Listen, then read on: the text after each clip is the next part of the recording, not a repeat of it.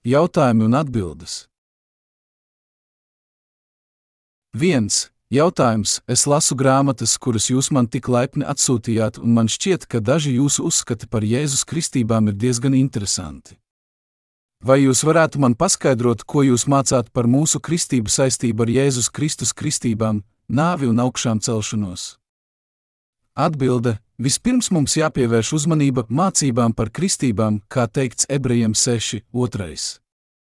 Saskaņā ar Bībeli ir trīs veidu kristības Jāņa Kristītāja kristības grēku nožēlai, Jēzus kristības pie Jāņa Kristītāja un mūsu kristības. Tās kristības, ko mēs saņemam, ir mūsu ticības Jēzus kristībām apliecinājums. Tas ir, mēs kristāmies, lai apliecinātu, ka ticam Jēzum, kurš kristījās, lai paņemtu visus mūsu grēkus un arī mira pie krusta, lai veiktu par tiem salīdzināšanu. Tagad var saprast Mateja 3.15, kur ir teikts: tam tā jānotiek jo tā mums vajag piepildīt visu taisnību. Tā šeit nozīmē, ka pats Jēzus paņēma visus pasaules grēkus, kristoties pie Jāņa Kristītāja, visas cilvēces pārstāvja. Tāds bija Dieva lieliskais plāns, lai glābtu mūs no neizbēgamā grēka slazda.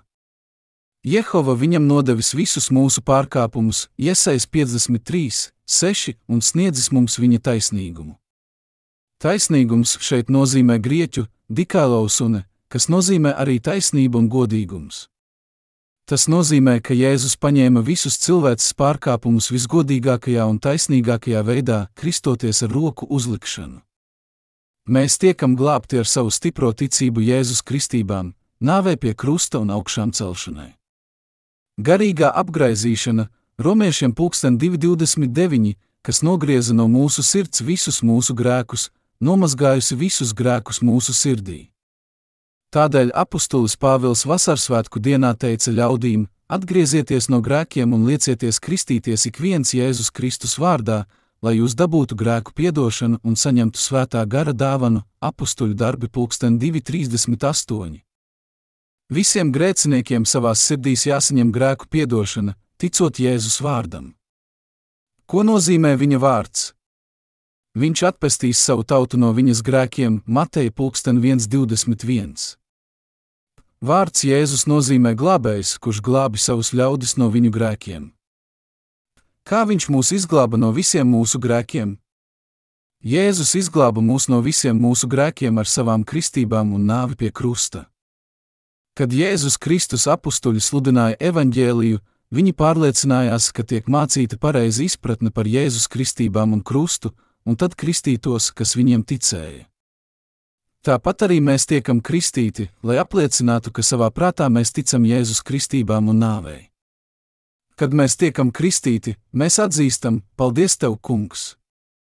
Tu ar kristībām uzņēmies visus manus grēkus, miri par mani un augšām cēlies, lai glābtu mani. Es ticu Tavam evaņģēlijam.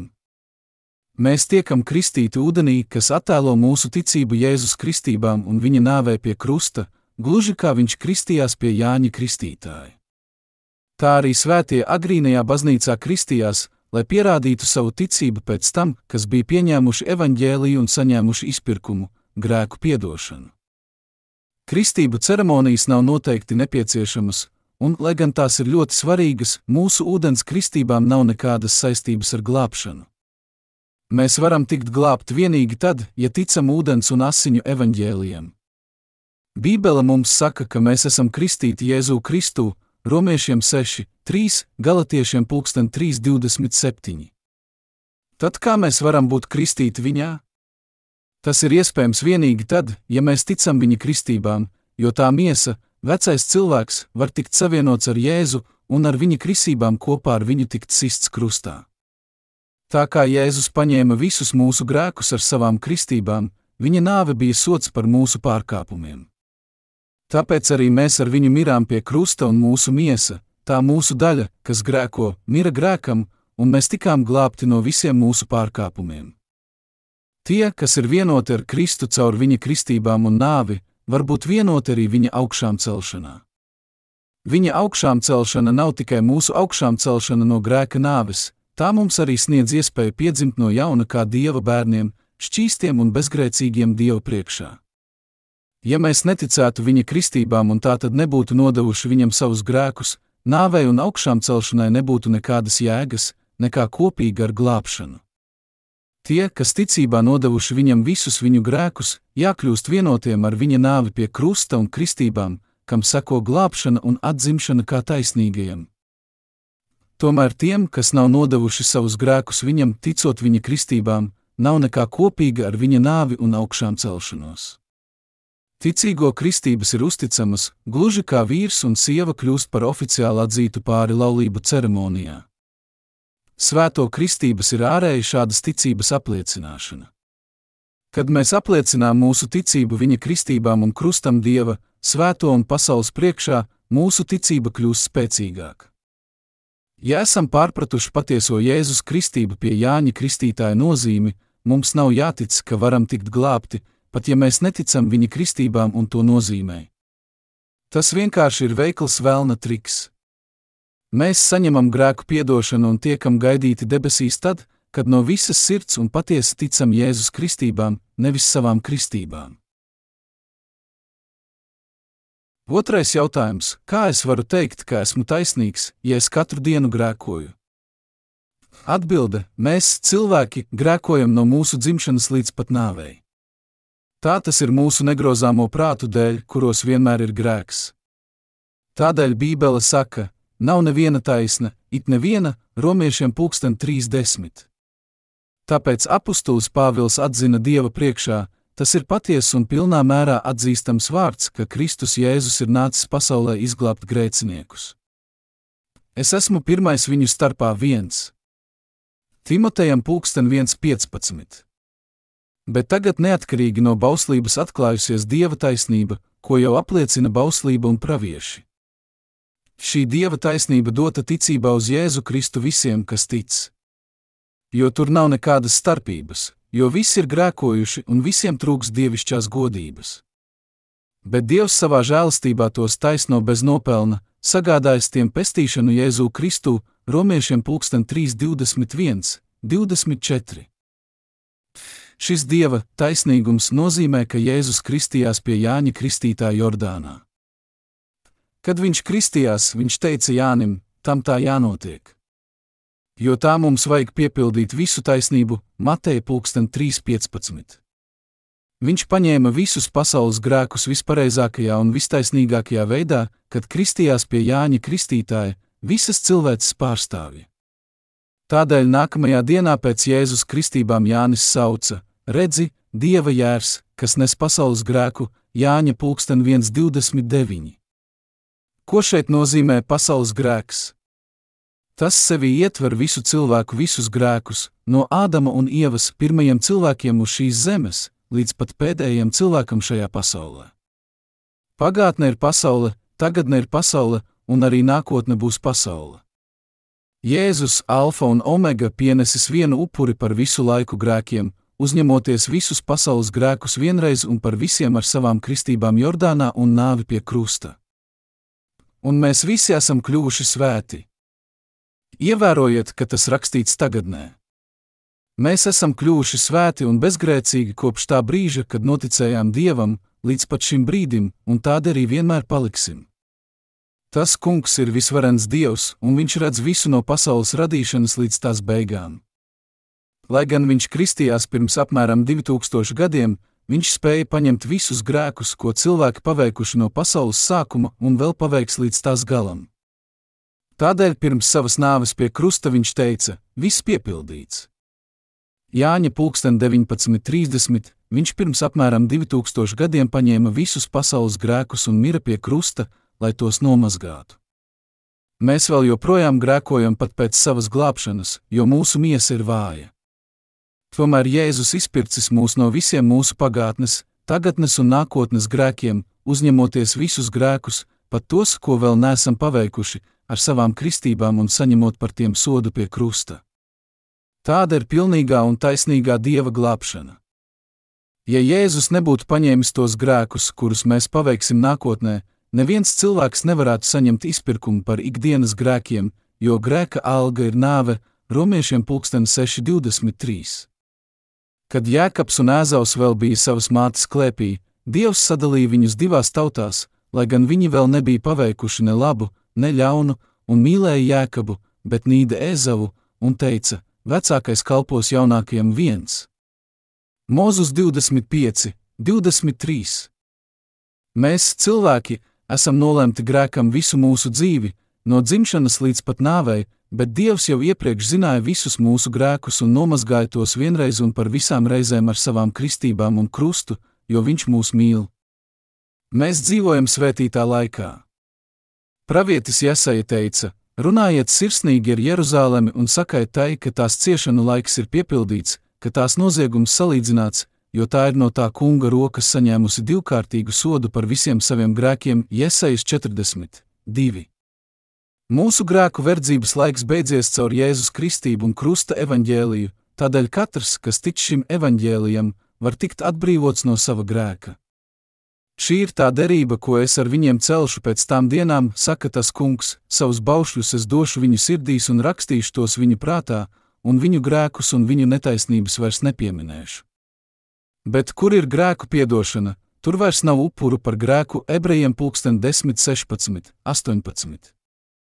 Dievs vairs netiesā mūs par ikdienas grēkiem, jo Viņš jau ir nomazgājis visus cilvēces grēkus uz šīs zemes un tiesājis tos caur Jēzu.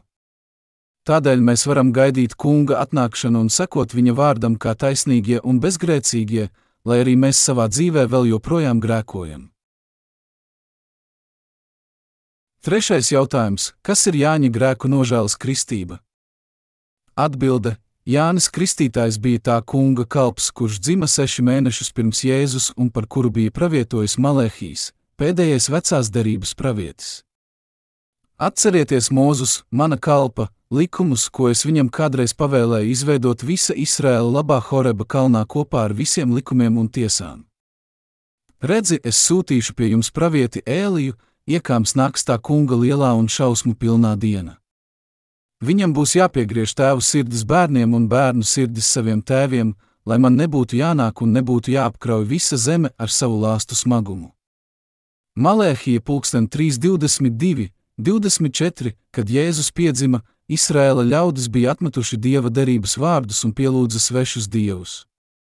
Viņi pienesa aklus un kroplus upurus un pārvērta dieva templi par tirgus vietu.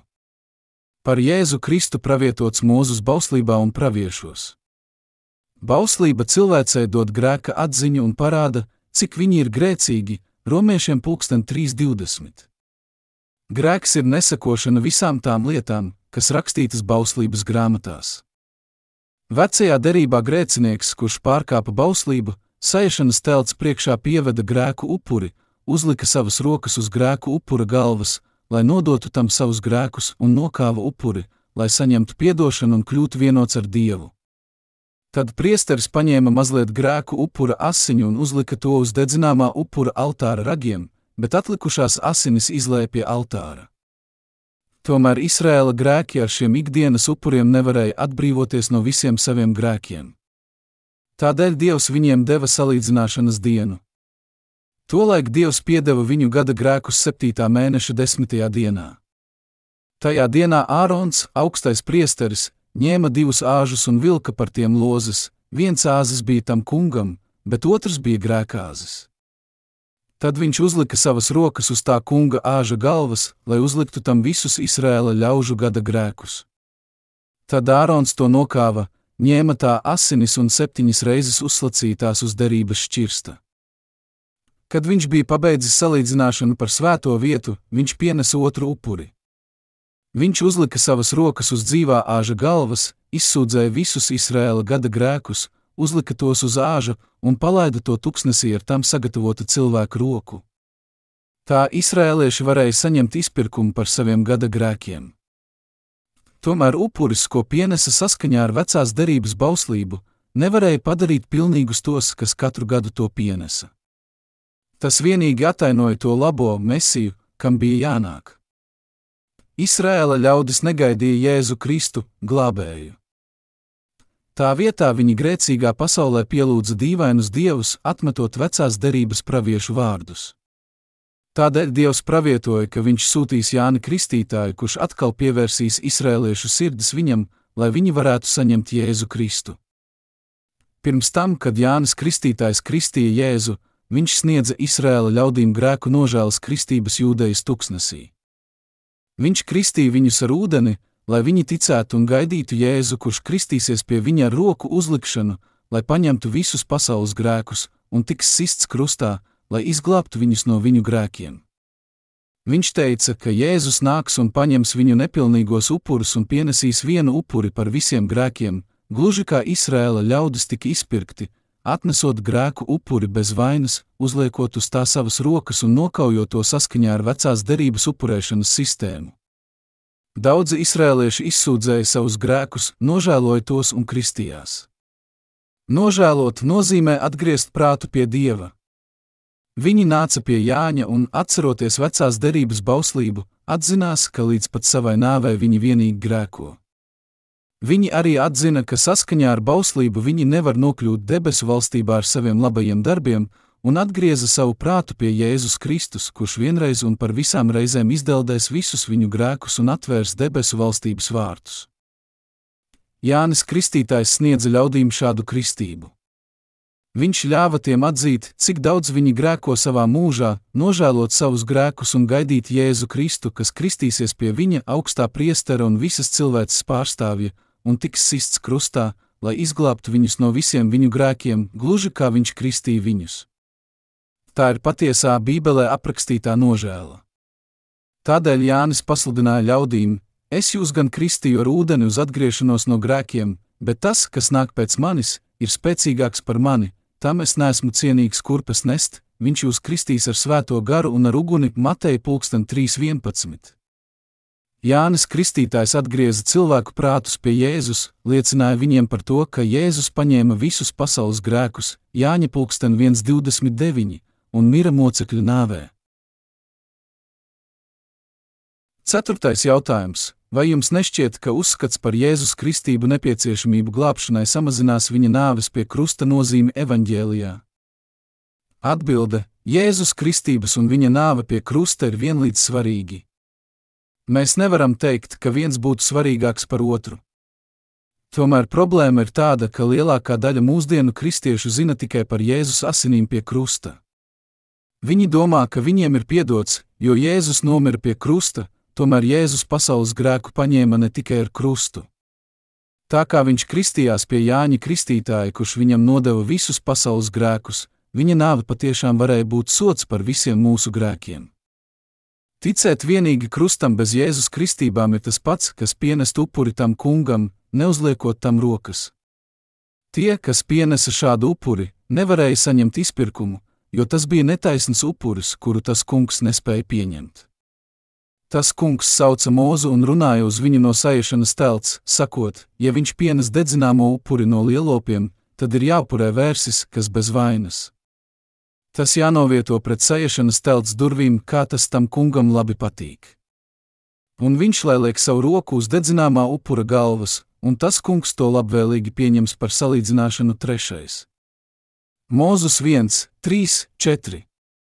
Tas kungs ir taisnīgs un ievēro likumu. Viņš iedibinājis taisnīgo un godīgo likumu, lai nomazgātu mūsu grēkus. Kad mēs saskaņā ar šo likumu pienesam upuri, tas kungs to pieņem, lai veiktu par mums salīdzināšanu. Tomēr viena no visplašāk sastopamajām cilvēku kļūdām ir tāda, ka viņi tic, ka var tikt glābti, ja vien atzīst Jēzu kā savu glābēju, jo tas kungs ir mīlestība. Bībele saka, ik viens, kas tā kunga vārdu piesaugs, tiks izglābts apstuļu darbi pulksten 221, romiešiem pulksten 1013, tomēr tā arī saka, ka ne ik katrs, kas uz mani saka kungs. Kungs, ieies debesu valstībā, bet tas, kas dara mana debesu tēva prātu, Mateja pulksten 721.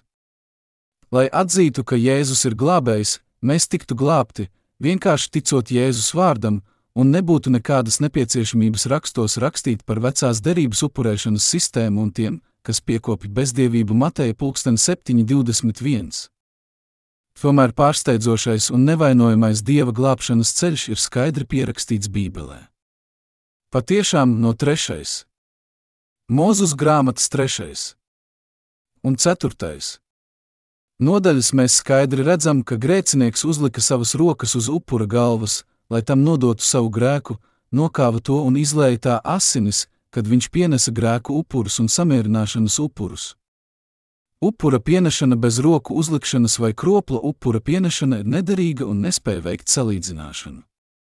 Gan vecās, gan jaunās derības vārdiem ir atbilstoši vārdi abās derībās, iesaist 34, 16. Jēzus Kristības Jordānā atbilst grēcinieka roku uzlikšanai uz grēku upura galvas vecajā derībā. Kad viņš kristījās pie Jāņa Kristītāja Jordānā, viņš teica: Tam tā jānotiek. Jo tā mums vajag piepildīt visu taisnību, Mateja 3.15. Šeit visa taisnība nozīmē taisnīgums un patiesība. Tas nozīmē, ka Jēzum pienākas kļūt par cilvēces grēku upuri. Viņam arī pienācās kristīties pie Jāņa Kristītāja ar roku uzlikšanu, lai vistaisnīgākajā veidā paņemtu visus pasaules grēkus, saskaņā ar upurēšanas sistēmu, kas sastāvēja no roku uzlikšanas un asinīm un kuru Dievs iedibināja vecajā derībā. Ja mēs ticētu vienīgi krustam, bet ne Jēzus kristībām, no tā izrietētu, ka viņš mira veltīgi, ne par mūsu grēkiem, jo tie viņam vēl nebija nodoti. Tā rezultātā mēs uzskatītu, ka viņa asinis ir netīras, jo nespēja nomazgāt grēkus ebrejiem 1029. Tātad viņa asinis var nomazgāt grēkus ticīgo sirdīs tikai tad, ja viņi tic, ka visi viņu grēki tika nodoti viņam, kad Jānis Kristītājs kristīja viņu ar roku uzlikšanu. Apostolis Jānis liecināja, ka tas, kas pārvar pasauli, tic, ka Jēzus ir tā kunga dēls, kurš nāca ar ūdeni un asinīm. Jēzus nāca ar ūdeni un asinīm, ne tikai ar ūdeni un ne tikai ar asinīm, viens. Jāņa 5, 4, 6. Viņš saviem mācekļiem izskaidroja lietas, kas ar viņu saistītas rakstos, sākot ar mūzu un visiem praviešiem, un parādīja, ka viņš pats bija grēku upuris vecajā derībā. Un Dāvids teica psalmā: Raugi, te es esmu! Grāmatā stāv par mani manis paša vietā rakstīts Psalms 47. Tātad viņa kristības neatceļ krustu, gluži otrādi, tā kunga evaņģēlijs ir tas, kas pabeidz un piepilda krusta nozīmi. Tas mums arī māca, ka mēs nevaram saņemt izpirkumu, ja vien mums nav Jēzus kristības un dārgās asinis. Saņemt glābšanu nozīmē saņemt grēku izpirkumu, ticot Jēzus kristībām un viņa asinīm pie krusta, kā arī saņemt svētā gara dāvanu, viens. Jāņa 5, 8, apstuļu darbi pulksten 238. Piektais jautājums. Vai jūs man varētu izskaidrot ūdens un gara evaņģēliju? Atbilde: Ja mēs kaut kur ārā pazaudētu adatu, mēs droši vien meklētu to tur, kur tā pazuda. Būtu bezjēdzīgi meklēt to mājā, jo tur ir gaišāks. Mūsdienu baznīcās var atrast šādus cilvēkus. Lai gan viņiem visapkārt ir nepilnīgas Bībeles izpratnes radītās cīņas par mūsu ūdens kristībām un iemeslu, kāpēc Jēzus kristījās pie Jāņa Kristītāja, viņi nekad sev neuzdod šos svarīgos jautājumus. Tādas rīcības dēļ šajā reliģijā ir ļoti daudz konfesiju un atzarojumu. Lai pārtrauktu šādas neauglīgās cīņas, mums jāpamet šis juceklis un jāatgriežas tur, kur mēs pazaudējām savu adatu. Ja mēs patiešām meklējam patiesību, mums jāatmet aizspriedumi, jo mēs to nevaram atrast reliģiju juceklī. Kādēļ apstuļi tā uzsvēra Jēzus Kristības? Tas ir ūdens un gara evaņģēlīja patiesības noslēpums, kuru viņi saņēma no Jēzus un sludināja visai pasaulē. Jēzus teica: Patiesi, patiesi es tev saku, ja kāds neatzimst ūdenī un garā, netikt tam Dieva valstībā. Jāņa 3, 5. Bībele mums saka, ka Jēzus nāca ar ūdeni un asinīm, lai izglābtu mūs no visiem mūsu grēkiem. 1. Jāņa 5, 6. Asinis nozīmē krustu. Tad ko nozīmē ūdens? Kādēļ Jēzus kristījās pie Jāņa Kristītāja? Kādēļ viņš savās kristībās paziņoja, tam tā jānotiek? Jo tā mums vajag piepildīt visu taisnību, Mateja 3.15. Es vēlos, lai jūs saprastu ūdens un gara un Jēzus Kristību evaņģēliju. Šeit ir daži īsi paskaidrojumi par ūdens un gara evaņģēliju, kurus viņš sniedza saviem mācekļiem. Apustuļi, sludinot evaņģēliju, vislielāko uzsvaru lika uz Jēzus kristībām. Apustulis Pāvils teica: jo es jums vispirms esmu mācījis, ko es pats saņēmu, ka Kristus ir miris par mūsu grēkiem pēc rakstiem un ka viņš aprakt un trešajā dienā augšām cēlies pēc rakstiem 1. Korintiešiem 15, 3, 4. Ko nozīmē tas, ka Kristus ir miris par mūsu grēkiem pēc rakstiem? Tas nāk no vecās derības. Viņš mira par mums saskaņā ar vecās derības atklāsmi un derību. Ebrejiem desmit, viens teikts, jo bauslībai piemīt nākamo labumu ēna. Aplūkosim trešais. Mūzus 1, 3, 5 aprakstītos tradicionālos upuru pienešanas veidus. Grēcinieka dedzināmajam upurim vajadzēja atbilst trim prasībām, lai viņš varētu veikt salīdzināšanu par saviem grēkiem. Viens viņš ņēma upuri bez jebkādas vainas, trešais. Mūzus 1, 3, 2, viņš uzlika savas rokas uz upura galvas, trešais. Mūzus 1, 4. Šeit mums jāizskaidro dieva likums. Grēku uzlikšana uz upura galvas bija paredzēta, lai nodotu tam grēcinieka grēkus. 3. Viņš to nokāva, lai veiktu salīdzināšanu par saviem grēkiem, trešais. Mūzus 1, 5. Salīdzināšanas dienā Ārons uzlika abas savas rokas uz dzīvā āža galvas un izsūdzēja visus Izraēla bērnu pārkāpumus un visus viņu grēkus, uzliekot tos uz āža galvas, trešais. Mūzus pulksten 16.21. Tolaik Ārons bija Izraēla pārstāvis. Viņš rokas uz āža galvas lika viens pats, bet uzlika uz tās visus Izraēla ļaužu apmēram 2, 3 miljonu gada grēkus. Vecās derības upuri ir nākamo labumu ēna. Jēzus piedāvāja pats sevi saskaņā ar dieva gribu, lai darītu mūsu svētus saskaņā ar rakstiem. Pirmkārt, Jēzus nāca cilvēku līdzībā kā nevainīgs dieva jērs. Viņš ir vienpiedzimušais dieva dēls un pastāv dieva veidā. Tādēļ viņš ir atbilstošs grēku upuris par visas cilvēces grēkiem. Otrakārt, Jēzus kristījās pie Jāņa Kristītāja Jordānā.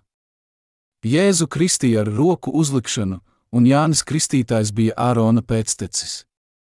Kad Jānis uzlika savas rokas uz Jēzus Kristus galvas, viņam tika nodoti visi pasaules grēki saskaņā ar tā kunga likumu. Jēzus teica Jānim: Tam tā jānotiek. Jo tā mums vajag piepildīt visu taisnību, un viņš kristīja viņu. Mēs beidzot nodevām viņam visus mūsu grēkus. Nākamajā dienā pēc kristībām Jānis Kristītājs iesaucās: Redzi, Dieva jērs, kas nes pasaules grēku, Jāņa pulksten 1,29. Treškārt, Jēzus nomira pie krusta, lai izpirktu visus mūsu grēkus, sakot, viss piepildīts. Jāņa pulksten 19.30 un atkal augšām cēlās no mirušajiem, lai padarītu mūs taisnīgus Dieva priekšā. Atcerieties grēku upuri, kas tika pienests grēku piedošanai. Grēciniekam bija jāuzliek savas rokas uz tā galvas, pirms viņš to nokāva. Ja viņš aizmirstu vienu vienīgu darbību, roku uzlikšanu uz upura galvas, viņš nevarētu saņemt izpirkumu, jo tā viņš pārkāptu bauslību. Ja kristietim nav ne mazākās jausmas, ko nozīmē viņa kristības, viņa sirdī vēl joprojām jābūt grēkam, un viņš nevar tikt glābts ar savu ticību. Lielākā daļa kristiešu zina tikai pusi no viņa kalpošanas. Apostolis Jānis savā pirmajā vēstulē nepārprotami izskaidro evaņģēliju. Viņš ir tas, kurš nācis caur ūdeni un asinīm, Jēzus Kristus, ne ūdeni vien, bet ar ūdeni un asinīm. Un gars ir liecinieks, jo gars ir patiesība viens. Jāņa 5, 6. Bībelē netrūkst raksturvietu, kas pierāda, cik ļoti nozīmīgs viņa taisnīguma akts mūsu glābšanai ir viņa kristības. Visiem kristiešiem jāatgriežas pie ūdens un gara evaņģēlija.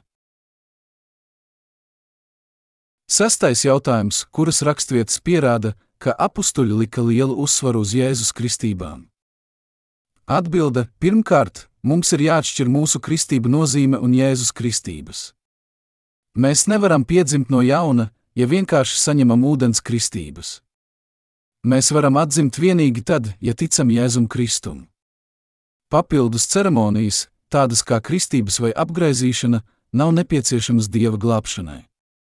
Bībele neuzsver ūdens kristību, ko saņem ticīgie. Tā vietā tā uzsver kristības, kuras Jēzus saņēma pie Jāņa Kristītāja. Patiesībā ir daudz raksturvietu, kas pierāda, ka Jēzus kristības ir nepieciešamas un ļoti būtiskas mūsu glābšanai. Tādēļ evaņģēlijos viņa kristības minētas pašā sākumā. Marka evaņģēlijas sāk Jēzus Kristus, Dieva dēla evaņģēliju ar Jēzus kristībām, un Jānis savā evaņģēlijā laiku skaitīja no Jēzus kristību brīža, lietojot tādus apzīmējumus kā otrā dienā pulksten 1,29 un trešajā dienā 2,1. Jānis Kristītājs nākamajā dienā pēc Jēzus kristībām pasludināja Dieva vārdu, sakot: Redzi, Dieva jērs, kas nes pasaules grēku, Jāņa pulksten 1,29. Visi pasaules grēki tika nodoti viņam, kad Jānis Kristītājs kristīja viņu. Viņš mira pie krusta, lai veiktu salīdzināšanu par mūsu grēkiem, sakot, viss piepildīts. Jāņa pulksten 19.30 un trešajā dienā atkal augšām cēlās no mirušajiem. Apostols Pāvils teica, Kristus ir miris par mūsu grēkiem pēc rakstiem 1. Korintiešiem 15, 3 kā raksti šeit minēta vecā derība. Kā grēcinieks varēja pienest upuri, lai saņemtu atdošanu? Viņam bija jāuzliek savas rokas uz grēku upura galvas, pirms viņš to nokāva. Ja viņš būtu izlaidis roku uzlikšanu uz upura galvas, viņš nevarētu saņemt atdošanu, jo būtu pienesis nelikumīgu upuri. Apostols Pāvils sacīja: Jeb vai jums nav zināms, ka mēs visi, kas Jēzus Kristus vārdā esam kristīti, esam iegremdēti viņa nāvē. Romiešiem 6, 3 kristīties Jēzus Kristus vārdā nozīmē ticēt Jēzus kristībām Jordānā, ne tikai mūsu ūdens kristībām. Kā tad tas var būt, ka mēs esam kristīti Jēzus vārdā? Kad mēs ticam, ka Jānis Kristītājs viņam nodeva visus mūsu grēkus, kad kristīja Jēzu, mēs varam tikt kristīti viņa vārdā. Jo jūs visi, kas esat kristīti Kristus vārdā, esat tērpušies Kristu galatiešiem pulksten 3.27. Tie, kas caur Jāni Kristītāju nodevuši Jēzum visus savus grēkus, ir bez grēka un kļuvuši par Dieva svētajiem bērniem. Viņā jūs arī esat apgaizīti, ne cilvēku rokām, bet Kristu apgaizīti un tā tikuši vaļā no savas grēcīgās dabas. Kolosiešiem pulksten 2.11. apustulis Pāvils teica, ka no grēcīgās dabas var atbrīvoties ar iekšējo apgaizīšanu, kas nav veikta ar cilvēku rokām, iekšēja, sirds apgaizīšana, romiešiem pulksten 229, tas ir ticot Jēzus kristībām, kas nogriež grēkus no mūsu sirdīm. Tas attēlo kristību, kura tagad arī jūs glābj. Tā nav miesas netīrības mazgāšana, bet ir labas sirdsapziņas izlūkšanās Dievā caur Jēzus Kristus augšām celšanos viens. Pētera pulksten 321 Kristības attēlo mūsu glābšanu. Mēs jau zinām, ka nos dienās bija nepaklausīgie, kas gāja bojā, jo neticēja ūdenim, tomēr arī šodien ir nepaklausīgie, kas ies bojā, lai arī tic Jēzum, jo viņi netic Jēzus kristībām, tas ir ūdenim. Apostolis Jānis izskaidroja visu evaņģēliju savā pirmajā vēstulē, rakstot: Viņš ir tas, kurš nācis caur ūdeni un asinīm, Jēzus Kristus, ne ūdeni vien, bet ar ūdeni un asinīm viens. Jāņa 5, 6. Jēzus nāca pie mums ar savām kristībām un krustu, lai izglābtu mūs no visiem mūsu grēkiem. Jānis arī teica, un trīs ir, kas liecina virs zemes - gars, ūdens un asinis, un šie trīs ir kopā viens. Jāņa 5, 8. Šeit ir teikts, ka Jēzus Kristības, krusts un gars kopā veido pilnīgu glābšanu. Jēzus teica Nikodēmam: Patiesi, patiesi es tev saku, ja kāds neatzimst ūdenī un garā, netikt tam Dieva valstībā. Jāņa 3, 5. Mēs atzimstam ūdenī un garā. Ticība viņa ūdens kristībām un krustam ir viss, kas nepieciešams, lai saņemtu izpirkumu un svētā gara dāvanu. To Bībele sauc par atzimšanu. Tādēļ apustulis Pēters teica: Atgriezieties no grēkiem un liecieties kristīties ik viens Jēzus Kristus vārdā, lai jūs dabūtu grēku piedošanu un saņemtu svētā gara dāvanu, apstuļu darbi pulksten 238. Lai saņemtu visu grēku piedošanu un svētā gara dāvanu, jūsu sirdī vienmēr jābūt nelokāmai ticībai Jēzus Kristībām. Ko vēl mēs varētu piebilst? Ir daudzas raksturvietas, kas apgalvo, ka viņa kristības ir taisnības darbs, kas nepieciešams mūsu glābšanai. Kristietībai jāatgriežas pie ūdens un gara evaņģēlija. Tāpēc, atstājuši Kristus mācības sākumu, dosimies pretim pilnībai, nelikdami atkal pamatu ar atgriešanos no nedzīviem darbiem un ticību dievam, ar mācību par kristībām, roku uzlikšanu, miroņu augšām celšanos un mūžīgo tiesu ebrejiem 6, 1, 2. Šeit mēs varam atrast norādes uz agrīnās baznīcas sākotnējo evaņģēliju. Viņi sludināja mācību par kristībām, roku uzlikšanu, miroņu augšām celšanos un mūžīgo tiesu tiem, kas nu pat kā bija kļuvuši par kristiešiem. Mums visiem savā prātā jātic, ka Jēzus paņēma visus mūsu grēkus ar savām kristībām un mira pie krusta, lai saņemtu sodu par mūsu grēkiem saskaņā ar Dieva taisnīgo likumu. Septītais jautājums. Es jau tam ticu un to sludinu, vienkārši jūs uzsverat Jēzus kristības, kuras bieži vien aizmirst. Kāda tad ir ūdens un gara evaņģēlīja galvenā atšķirība? Atbilde - tikt glābtam nozīmē saņemt izpirkumu, grēku piedošanu. Tas arī nozīmē piedzimt no jauna, jo grēcinieks kļūst par taisnīgo, ticot dzīvības evaņģēliem, kas ļauj viņam atzimt ūdenī un garā caur Jēzus glābšanu. Svētais gars nāk pār tiem, kas ir izpirkti un atzimuši, un liecina, ka viņi ir Dieva bērni. Tātad tas viss ir viens un tas pats - svētā gara saņemšana, izpirkuma saņemšana, atzimšana, kļūšana par dieva bērnu un kļūšana par taisnīgo. Jēzus teica: Es esmu ceļš, patiesība un dzīvība, neviens netiek pie tēva kā vien caur mani, Jāņa 14, 6, kas norāda, ka tikai caur Jēzu, Dieva vienpiedzimušo dēlu, mēs varam ieiet Dieva valstībā.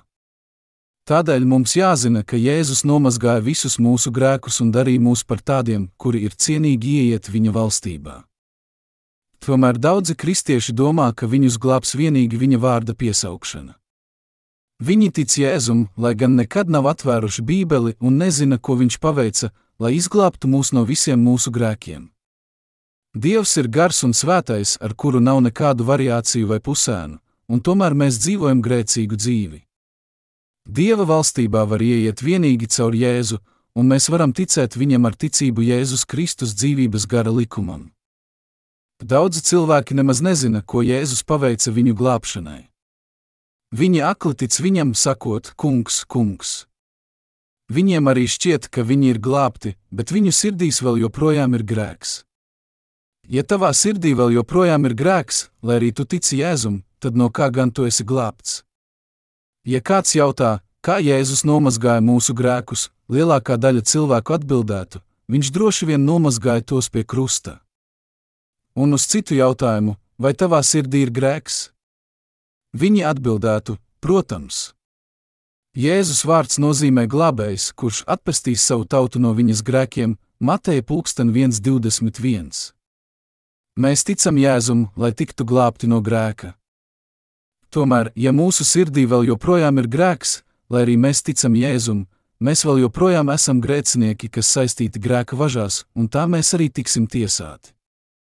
Apostols Pāvils rakstīja: Tad nu tiem, kas ir Kristu Jēzū, vairs nav nekādas pazudināšanas romiešiem astoņi, viens. Tā tad ir skaidrs, ka tas, kura sirdī vēl ir grēks, nav vienots ar Jēzu Kristu. Kādēļ viņi vēl joprojām ir neizpirktie un no glābšanas atkritušie grēcinieki, lai arī viņi tic Jēzum? Tādēļ, ka viņi tic vienīgi asinīm pie krusta, bez roku uzlikšanas viņam ar Jēzus kristībām.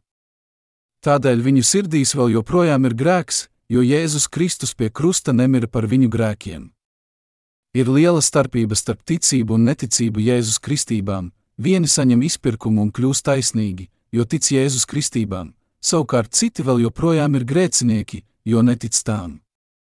Svētais gars nenāk pār grēcinieku. Viņš nāk vienīgi pār taisnīgajiem, kas saņēmuši ūdens un gara izpirkumu. Tādēļ apustulis Pāvils teica: Jeb vai jums nav zināms, ka mēs visi, kas Jēzus Kristus vārdā esam kristīti, esam iegremdēti viņa nāvē? Romiešiem 6, 3 daudzi tic, ka Jēzus pie krusta paņēma mūsu grēkus, tomēr mēs nekad nevaram atzīt, ka mūsu sirdī nav grēka, ja mēs neticam Jēzus kristībām. Ja mēs to tomēr darām, tad mēs melojam Dievam un rīkojamies pret savu sirdsapziņu. Patiešām mūsu sirdīs vēl joprojām ir grēks, ja vien mēs nenododam visus mūsu grēkus viņam, ticot viņa kristībām. Ja cilvēki netic Jēzus kristību un krusta evaņģēlijam, viņi sāks meklēt glābšanu ar saviem darbiem un kļūs par lieliem grēciniekiem. Tādēļ nav svarīgi, ko viņi dara, vai lūdz kalnos, vai lūdz piedošanu lielos lūkšanu namos, viņu sirdīs vēl joprojām ir grēks. Jēzus teica: Ne ik katrs, kas uz mani saka, kungs, kungs, ieies debesu valstībā, bet tas, kas dara mana debesu tēva prātu.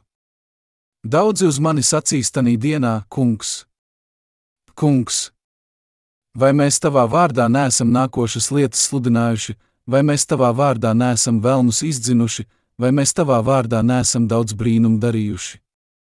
Un tad es tiem apliecināšu, es jūs nekad neesmu pazinis, eita nost no manis, jūs ļauna darītāji, Mateja pulksten 721, 23. Kas šeit ir ļauna darītāji? Tie ir tie, kas savās sirdīs nav saņēmuši pilnīgo izpirkumu, jo ir ticējuši vienīgi krustam. Mēs darām ļaunu, ja neticam tam, ka Jēzus izglāba mūs ar savām kristībām un krustu. Mēs nevaram teikt, ka mums ir pareiza ticība, ja mēs nezinām par Jēzus kristībām un krustu. Jēzus teica, ka atzimt iespējams tikai ar ūdeni un garu. Gluži kā cilvēki varēja tikt glābti no plūdu ūdeņiem tikai tad, ja viņi bija nošķirstā, arī tu vari saņemt izpirkumu, visu grēku piedošanu un dzīvot ticības pilnu dzīvi tikai tad, ja tu tici ūdens un gara evaņģēlijam. Bez ūdens un gara evaņģēlija nav iespējams saņemt grēku piedošanu un kļūt par dieva bērnu. Astotais jautājums. Es esmu pārliecināts, ka ticība Jēzum ir mani glābusi. Manā sirdī ir bijis miers un pārliecība. Bet tagad mani samulsinājuši jūsu apgalvojumi. Vai man jātic gan viņa kristībām, gan viņa krustam, lai saņemtu glābšanu? Atbilde: Ja tu netici Jēzus kristībām, tad ir pilnīgi skaidrs, ka tavā sirdī ir grēks. Apostols Jānis teica: Ja sakām, ka mums nav grēka, tad maldinām paši sevi, un patiesība nav mūsos viens. Jāņa 1, 8. Ja tu saki, ka esi bez grēka, lai gan tev tas joprojām ir, jo tu netici Jēzus kristībām, tad tu rīkojies pret savu sirdsapziņu un patiesība nav tevī.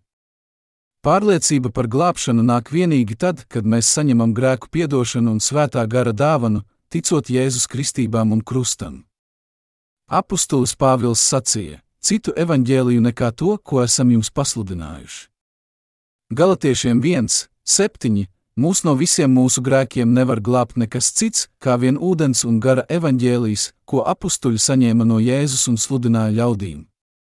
Ja mēs neticam apstuļu sludinātajam ūdens un gara evaņģēlijam, mūsos vēl joprojām ir grēks. Kā gan mēs varētu dzīvot ar pārliecību par glābšanu, ja mūsos vēl joprojām būtu grēks? Kad mēs Dieva priekšā uzvedamies labi, mēs esam priecīgi un pārliecināti par mūsu glābšanu, bet tad, kad grēkojam, mēs baidāmies un neesam pārliecināti, jo mūsu sirdīs vēl joprojām ir grēka nasta. Tā ir glābšana, kas balstīta uz mūsu pašu domām un izjūtām, nevis uz to, ko atzīst Dievs. Uz pašu domām balstīta glābšana paredz pakāpenisku svētošanu, katru dienu lūdzot grēku piedošanu. Tie, kas tic šādai viltus glābšanai, domā, ka kādu dienu viņi beidzot tiks glābti, ja vien dzīvos svētu dzīvi, katru dienu lūgs piedošanu un ar saviem darbiem ievēros bauslību. Tomēr viņi vēl joprojām ir grēcinieki, ja nav nodevuši visus savus grēkus Jēzum ar ticību viņa kristībām. Dieva dotā glābšana ir pilnīga glābšana, kas mums saka, ka Jēzus paņēma visus pasaules grēkus ar savām kristībām pie Jāņa Jordānā un izdeldēja tos pie krusta.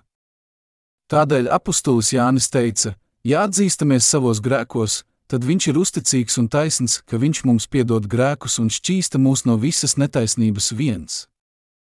Jāņa 1, 9. Ja visi mūsu grēki nav piedoti caur ūdens un gara evaņģēliju, jo mēs to neesam zinājuši, tad mums jāatzīst tā kunga priekšā, ka mēs vēl joprojām esam grēcinieki, lai arī ticam viņam un ka mēs nonāksim ellē, jo mūsu grēks nevar tikt nomazgāts bez ūdens un gara evaņģēlija. Tā ir patiesā grēksūdze.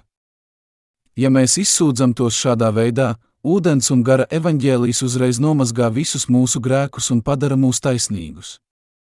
Tagad ir īstais laiks.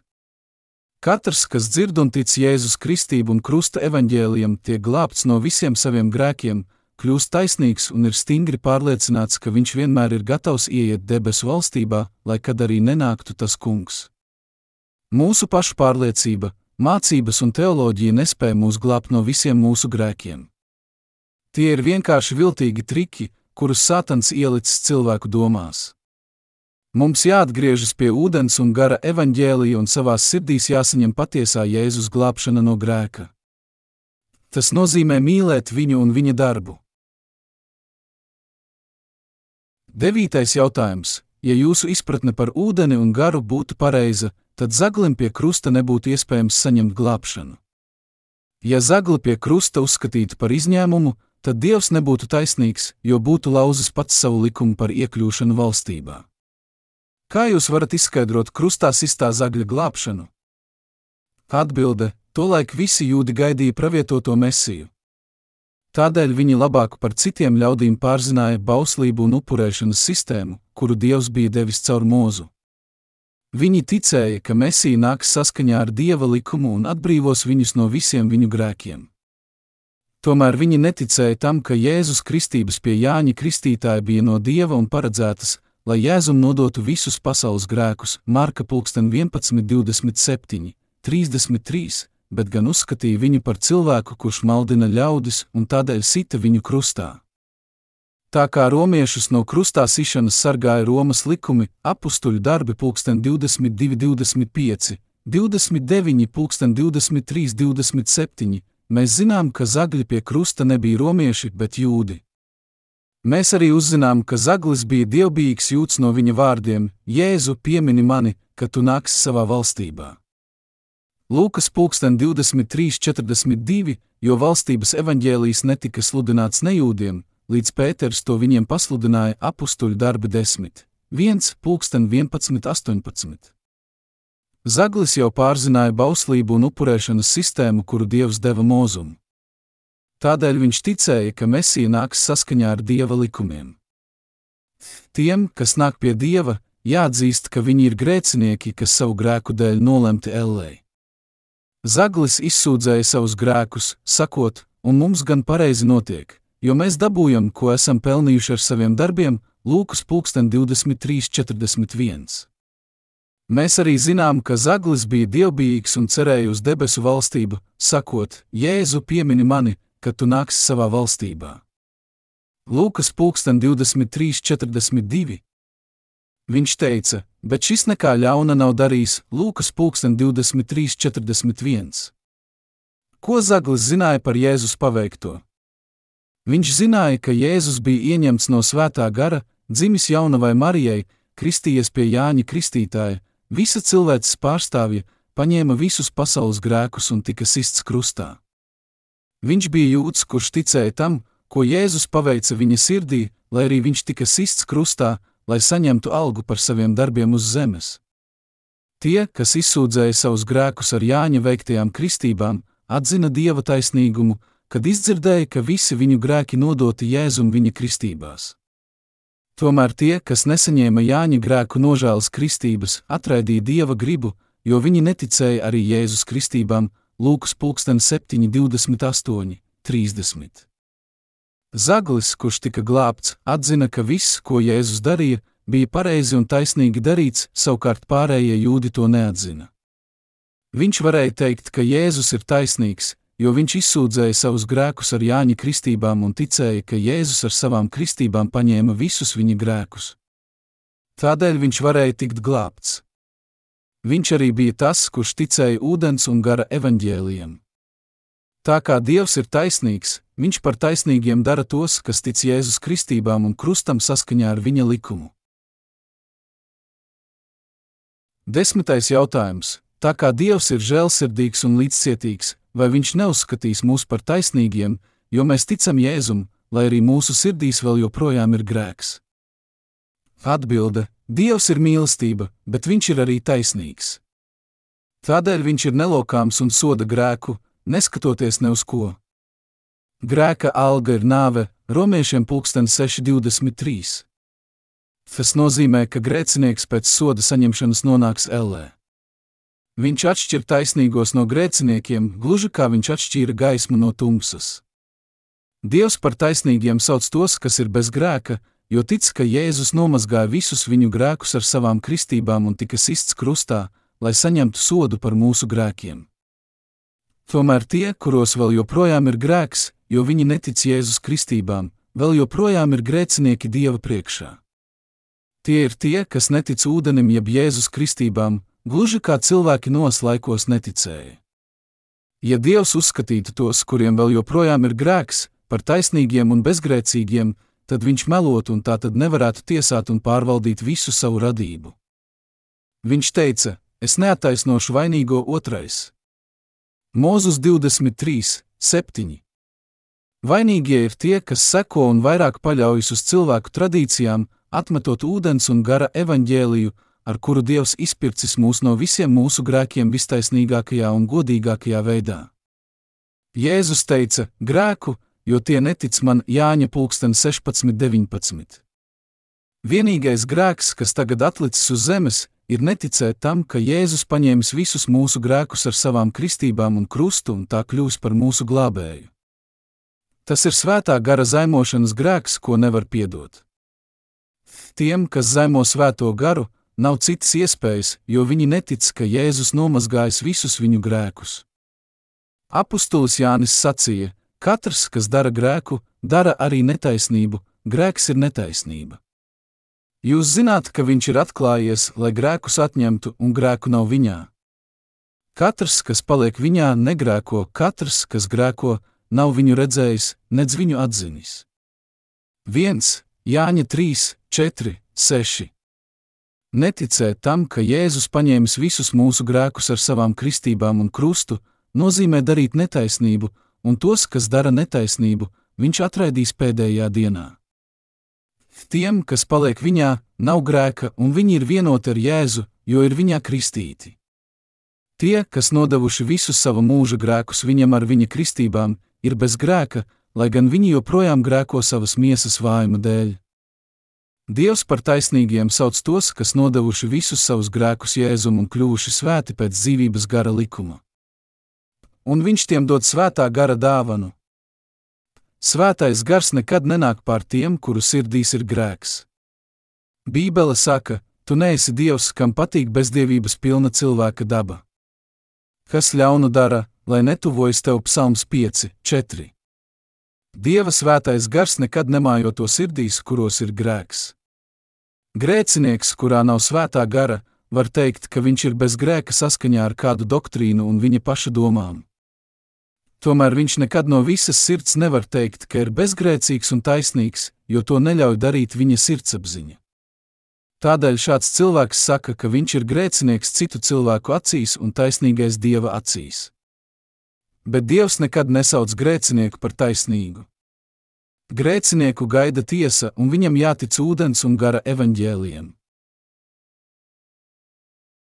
11. jautājums. Ja mēs sakām, ka Jēzus jau izdeldējis mūsu pagātnes, tagadnes un nākotnes grēkus, tad kas notiktu ar cilvēku, kurš apzināti grēko, domājot, ka visi viņa grēki jau ir piedoti, jo viņš tic Jēzus kristībām un krustam? Pat ja šāds cilvēks nogalina citu cilvēku, viņš zinās, ka pat par šādu grēku Jēzus veicis salīdzināšanu pie krusta. Tādēļ viņš turpinās grēkot bez mazākās kavēšanās, vienkārši ticot, ka Jēzus jau izdeldējis grēkus, kurus viņš paveiks nākotnē. Lūdzu, izskaidrojiet man to! Atbilde: Pirmkārt, es vēlos pateikties tev par to, ka tu uzdod jautājumus par ūdens un gara evaņģēliju. Šādas domas ir daudziem kristiešiem, kas vēl nav piedzimuši no jauna.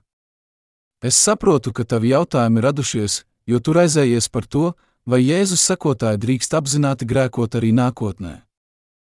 Tomēr es vēlos tev pateikt, ka tie, kas tic ūdens un gara evaņģēlijam, nespēj dzīvot tādu dzīvi, kā tu aprakstīji. Tā vietā viņi dzīvo svētu dzīvi. Vispirms padomā par šo, Ja tevī patiešām ir svētais gars, tu nesīsi svētus augļus, pat ja nevēlēsies to darīt. No otras puses, ja tevī nebūs svētais gars, tu nespēsi nest gara augļus, lai kā arī tu censtos. Kā gan kāds varētu nest gara augļus, ja viņa sirdī nav svētā gara, lai arī viņš tic jēzum? Tas nav iespējams. Tas kungs teica, ka slikts koks nekad nevar nest labus augļus, Mateja 7, 17, 18. Es tagad vēlos tev uzdot šo jautājumu un arī sniegt uz to atbildi. Tu tici Jēzum, bet vai tu patiešām dzīvo ar uzvaru pār pasaules grēkiem? Vai tu dzīvo kā taisnīgs dieva kalps, kurš uzvar pasaules grēkus, kalpo tam kungam ar vien vairāk un ļauj arī citiem saņemt glābšanu no saviem grēkiem, pasludinot viņiem ūdens un gara evaņģēliju, par kuru runā tas kungs. Vai tu patiešām esi kļuvis par taisnīgu cilvēku, kuram vairs nav ne mazākā grēka, jo viņš tic jēzum? Vienīgā ticība un evaņģēlijas, kas ļauj tev atbildēt, jā, uz šo jautājumu ir ūdens un gara evaņģēlijas, par kuru tas kungs liecinājis vecajā un jaunajā derībā. Es noteikti necenšos tevi iesaistīt vienā no daudzajām mūsdienu kristietības sektām. Mēs turpinām grēkot šajā pasaulē pat tad, kad ticam Jēzum. Tomēr mūsu kungs kristījās pie Jāņa un izlēja savas asinis pie krusta, lai glābtu mūs no visiem pasaules grēkiem. Tādēļ tas kungs darīs par mums taisnības darbu, un mēs esam glābti arī no pasaules grēkiem savā ticībā Dieva taisnīgumam un tā kunga kristībām un asinīm, ar kurām viņš izdeldējis visus mūsu grēkus. Es vēlos tev uzdot šādu jautājumu. Vai tu esi brīvs no savas sirdsapziņas grēkiem? Vai tu neesi grēcinieks arī tad, kad tici Jēzum, gluži kā tad, kad viņam neticēji? Ja tas tā ir, tad tas varētu būt tāpēc, ka tu nezini ūdens un gara evaņģēliju. Tādēļ tu esi pakļāvies miesas problēmām un nesaskaņām, jo tavā sirdī nav gara. Pat ja tu patiesi tici Jēzum, Tu vari atbrīvoties no miesas domām tikai tad, ka iztukšo savu sirdi un ieliec tajā ūdens un gara evaņģēliju. Tev jāatmet savas miesas domas un jāatgriežas pie dieva rakstītā vārda, lai saprastu to, ka ūdens un gara evaņģēlijs ir patiesība. Šajā pasaulē netrūks cilvēku, kas groza dieva iedibināto glābšanas likumu pēc sava prāta, lai arī viņi apgalvo, ka tic dievam. Ja tu esi viens no šiem cilvēkiem, tad tas kungs pēdējā dienā no tevis novērsīsies. Es ceru, ka ne ar vienu šajā pasaulē tas nenotiks. Es ticu, ka tu esi tas, kurš tic, ka vienīgi Jēzus krusts un asinis var tevi glābt, un uzdev jautājumus tādēļ, ka vēlējies nodzīvot atlikušo dzīvi bez grēka. Tomēr tavas domas ir miesas domas, kas neklausa dieva bauslībai, jo tās to nespēja, romiešiem 8, 7. Pauls Sais, Tose vovalk which the flesh cannot make God happy, Romans 8, 8. Ja tu patiešām vēlies tādu ticību, kas ir patīkama Dievam, tev jātic ievērojamajam tā kunga darbam, kurš nāca pasaulē caur jauno Mariju, paņēma visus cilvēces grēkus ar kristībām, kuras saņēma Jordānas upē pie Jāņa Kristītāja, un tā piepildīja visu Dieva taisnīgumu. Kā tev šķiet, kas var veikt Dieva taisnīgo darbu, taisnīgais vai grēcinieks? Grēcinieks vēl joprojām ir iestidzis grēkos, jo nav dieva priekšā saņēmis grēku piedošanu. Tādēļ vienīgais, kas gaida šādu cilvēku, ir sots par viņa grēkiem. Dievs savā valstībā nevar ielaist grēciniekus. Viņš to nevar tāpēc, ka viņš nav tas, kam patīk bezdievības pilna cilvēka daba, Psalms 5, 4. Dievs teica, ka tad, ja grēcinieks nāktu pie viņa un viņam kaut ko prasītu, viņš neuzklausītu grēcinieka lūgšanas, jo jūsu pārkāpumi jūs attālina no jūsu dieva, Iesais 59, 1, 2.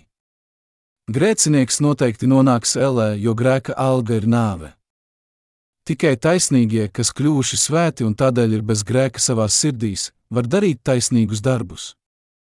Turklāt svētais gars mājo to taisnīgo sirdīs, kur ir bez grēka, jo tic Jēzus kristībām un krustam. Apostols Pēters Vasarsvētku dienā teica: Atgriezieties no grēkiem un liecieties kristīties ik viens Jēzus Kristus vārdā, lai jūs dabūtu grēku piedošanu un saņemtu svētā gara dāvanu, apstuļu darbi pulksten 238. Šeit ir teikts, ka cilvēkiem patiesi jātic Jēzum, kurš kristījās pie Jāņa, paņemdams visus grēkus un vēlāk izlēja savas asinis pie krusta un augšām cēlās. Kad viņi tam ir noticējuši, viņiem jāsaņem kristības Jēzus Kristus vārdā, kas attēlo šo ticību. Jēzus pavēlēja saviem mācekļiem kristīt tik vienu tēva un dēla, un svētā gara vārdā Mateja 28, 19. Turklāt apustulis Pāvils teica, ja kādam nav Kristus gara, tas nepieder viņam romiešiem 8, 9. Dievs dod svēto garu taisnīgajiem, lai apzīmogotu viņus par saviem bērniem. Grēciniekos nav gara, jo viņiem ir grēks. Svētajam garam nepatīk grēks, bet gan svētums, novēršanās no grēka.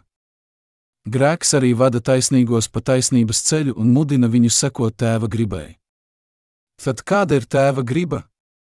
Izplatīt ūdens un gara evaņģēliju visu tautību cilvēkiem un kristīt viņus saskaņā ar lielo veltīšanos taisnīgo un grēcinieku miesa grēko līdz pat nāvei.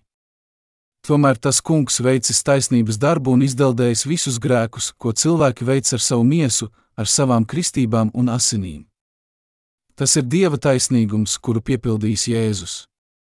Tādēļ Bībelē ir rakstīts, jo tajā atklājas Dieva taisnība no ticības uz ticību, kā rakstīts, no ticības taisnais dzīvos romiešiem pulksten 1.17. Tas, kurš saņēmis grēku atlaišanu ticībā dieva taisnīgumam, pārvarēs nolemtību, kas nosaka, ka viņam nav citas izvēles, kā vien grēkot ar miesu, tā vietā viņš sekos taisnīgumam. Tas ir iespējams tikai ar svēto garu, kurš nāk pār tiem, kas tic ūdens un gara evaņģēlijam. Visi taisnīgā pagātnes, tagadnes un nākotnes grēki tika nodoti Jēzum, kad viņš kristījās pie Jāņa Kristītāja. Arī taisnīgā miesa mirusi kopā ar Jēzu tās pārkāpumu dēļ. Ja cilvēks tam tic, viņš kļūst vienots ar Jēzu viņa nāves līdzībā. Tas arī ir sots par visiem viņa grēkiem, romiešiem seši. Tātad, lai arī taisnīgā miesai, kas mirusi pie krusta kopā ar Jēzu, nav citas izvēles kā vien grēkot visu atlikušo mūžu, svētais gars, kas mīt viņa sirdī, vada viņu, lai viņš varētu sekot garam. Taisnīgais seko svētajam garam un dara viņa darbu, jo svētais gars mīt viņā. Pat apstuļu laikos daudzi cilvēki ticēja, ka tie, kas tic ūdens un gara evaņģēlijam, nespēs visu atlikušo mūžu dzīvot svētu dzīvi, jo viņu sirdīs nebija grēka. Tomēr šādi ļaudis pārprata patieso apstuļu sludināto ūdens un gara evaņģēliju un uzskatīja to par instinktīvām miesas domām. Tādēļ apustulis Pāvils teica šādiem cilvēkiem: Ko lai nu sakām? Vai paliksim grēkā, lai vairojas žēlastība? Nekādā ziņā nē. Kā lai mēs, kas grēkam esam miruši, vēl dzīvojam tajā? Romiešiem 6, 1, 2. Viņš vēl piebilda: Pateicība Dievam mūsu Kungā Jēzu Kristu. Tā nu es ar savu prātu kalpoju Dieva bauslībai, bet ar savu miesu grēka bauslībai, Romiešiem 7,25. Noslēgumā jāteic, ka taisnīgā miesa vēl joprojām ir nepietiekama, un tai nav citas izvēles kā vien pastāvīgi grēkot, tomēr viņi joprojām seko svētajam garam, pasludinot evaņģēliju visai pasaulē. Taisnīgie staigā garā, jo viņu sirdis atdusas žēlastībā. Ko nu tālāk? Vai lai grēkojam, tāpēc, ka neesam padoti bauslībai, bet žēlastībai? Nekādā ziņā nē. Vai nezināt, ka tam, kam jūs sevi nododat par paklausīgiem kalpiem, jums arī kā kalpiem jāklausa, vai nu grēkam uz nāvi, vai paklausībai dievam, uz taisnību, romiešiem pulksten 6,15, 16. Gluži kā īstas puķis atšķiras no mākslīgām puķēm, arī valdnieki taisnīgā un grēcinieka sirdīs ir dažādi. Tā kā taisnīgā sirdī valda svētais gars, viņš var staigāt garā un savā dzīvē sekot taisnējai patiesībai, kas priecē Dievu. No otras puses, grēciniekam nav citas iespējas kā vien sekot grēkam, jo viņā pašā valda grēks. Grēcinieks nespēja dzīvot svētu dzīvi, jo viņa daudzo pārkāpumu dēļ viņam nav gara. Uzskats, ka tie, kas tic ūdens un gara evaņģēlijam, nespēja dzīvot svētu dzīvi, ir kļūda, kas nāk no instinktīvajām miesas domām. Daudzi cilvēki šodien neizprot taisnīgo dzīvi, lai arī atzīst, ka ūdens un gara evaņģēlijs ir patiesais evaņģēlijs, jo viņi to nepazīst un nav saņēmuši to savās sirdīs. Ko tu domā par taisnīgajiem, kas ziedo tik daudz līdzekļu un upuru, lai pasludinātu evaņģēliju visai pasaulē? Kāpēc tev šķiet, ka mums, cilvēkiem, kas tic ūdens un gara evaņģēlijam, apzināti jāgrēko, jo tas būtu saskaņā ar evaņģēliju? Taisnīgie dara labu ticībā un patiesības gaismas un dieva taisnīguma apņemti. Tie, kas dara taisnīgas lietas, ir dzimuši no dieva. Mēs vienkārši ļaujam atlikušajai cilvēces daļai uzzināt labo vēsti, ka Jēzus nomazgājis visus viņu grēkus ar savām kristībām un asinīm. Turklāt mēs ceram, ka tu un citi tiks glābti no grēkiem, patiesi ticot ūdens un gara evaņģēlijam ar visu savu sirdi, un satiksi to kungu pēdējā dienā.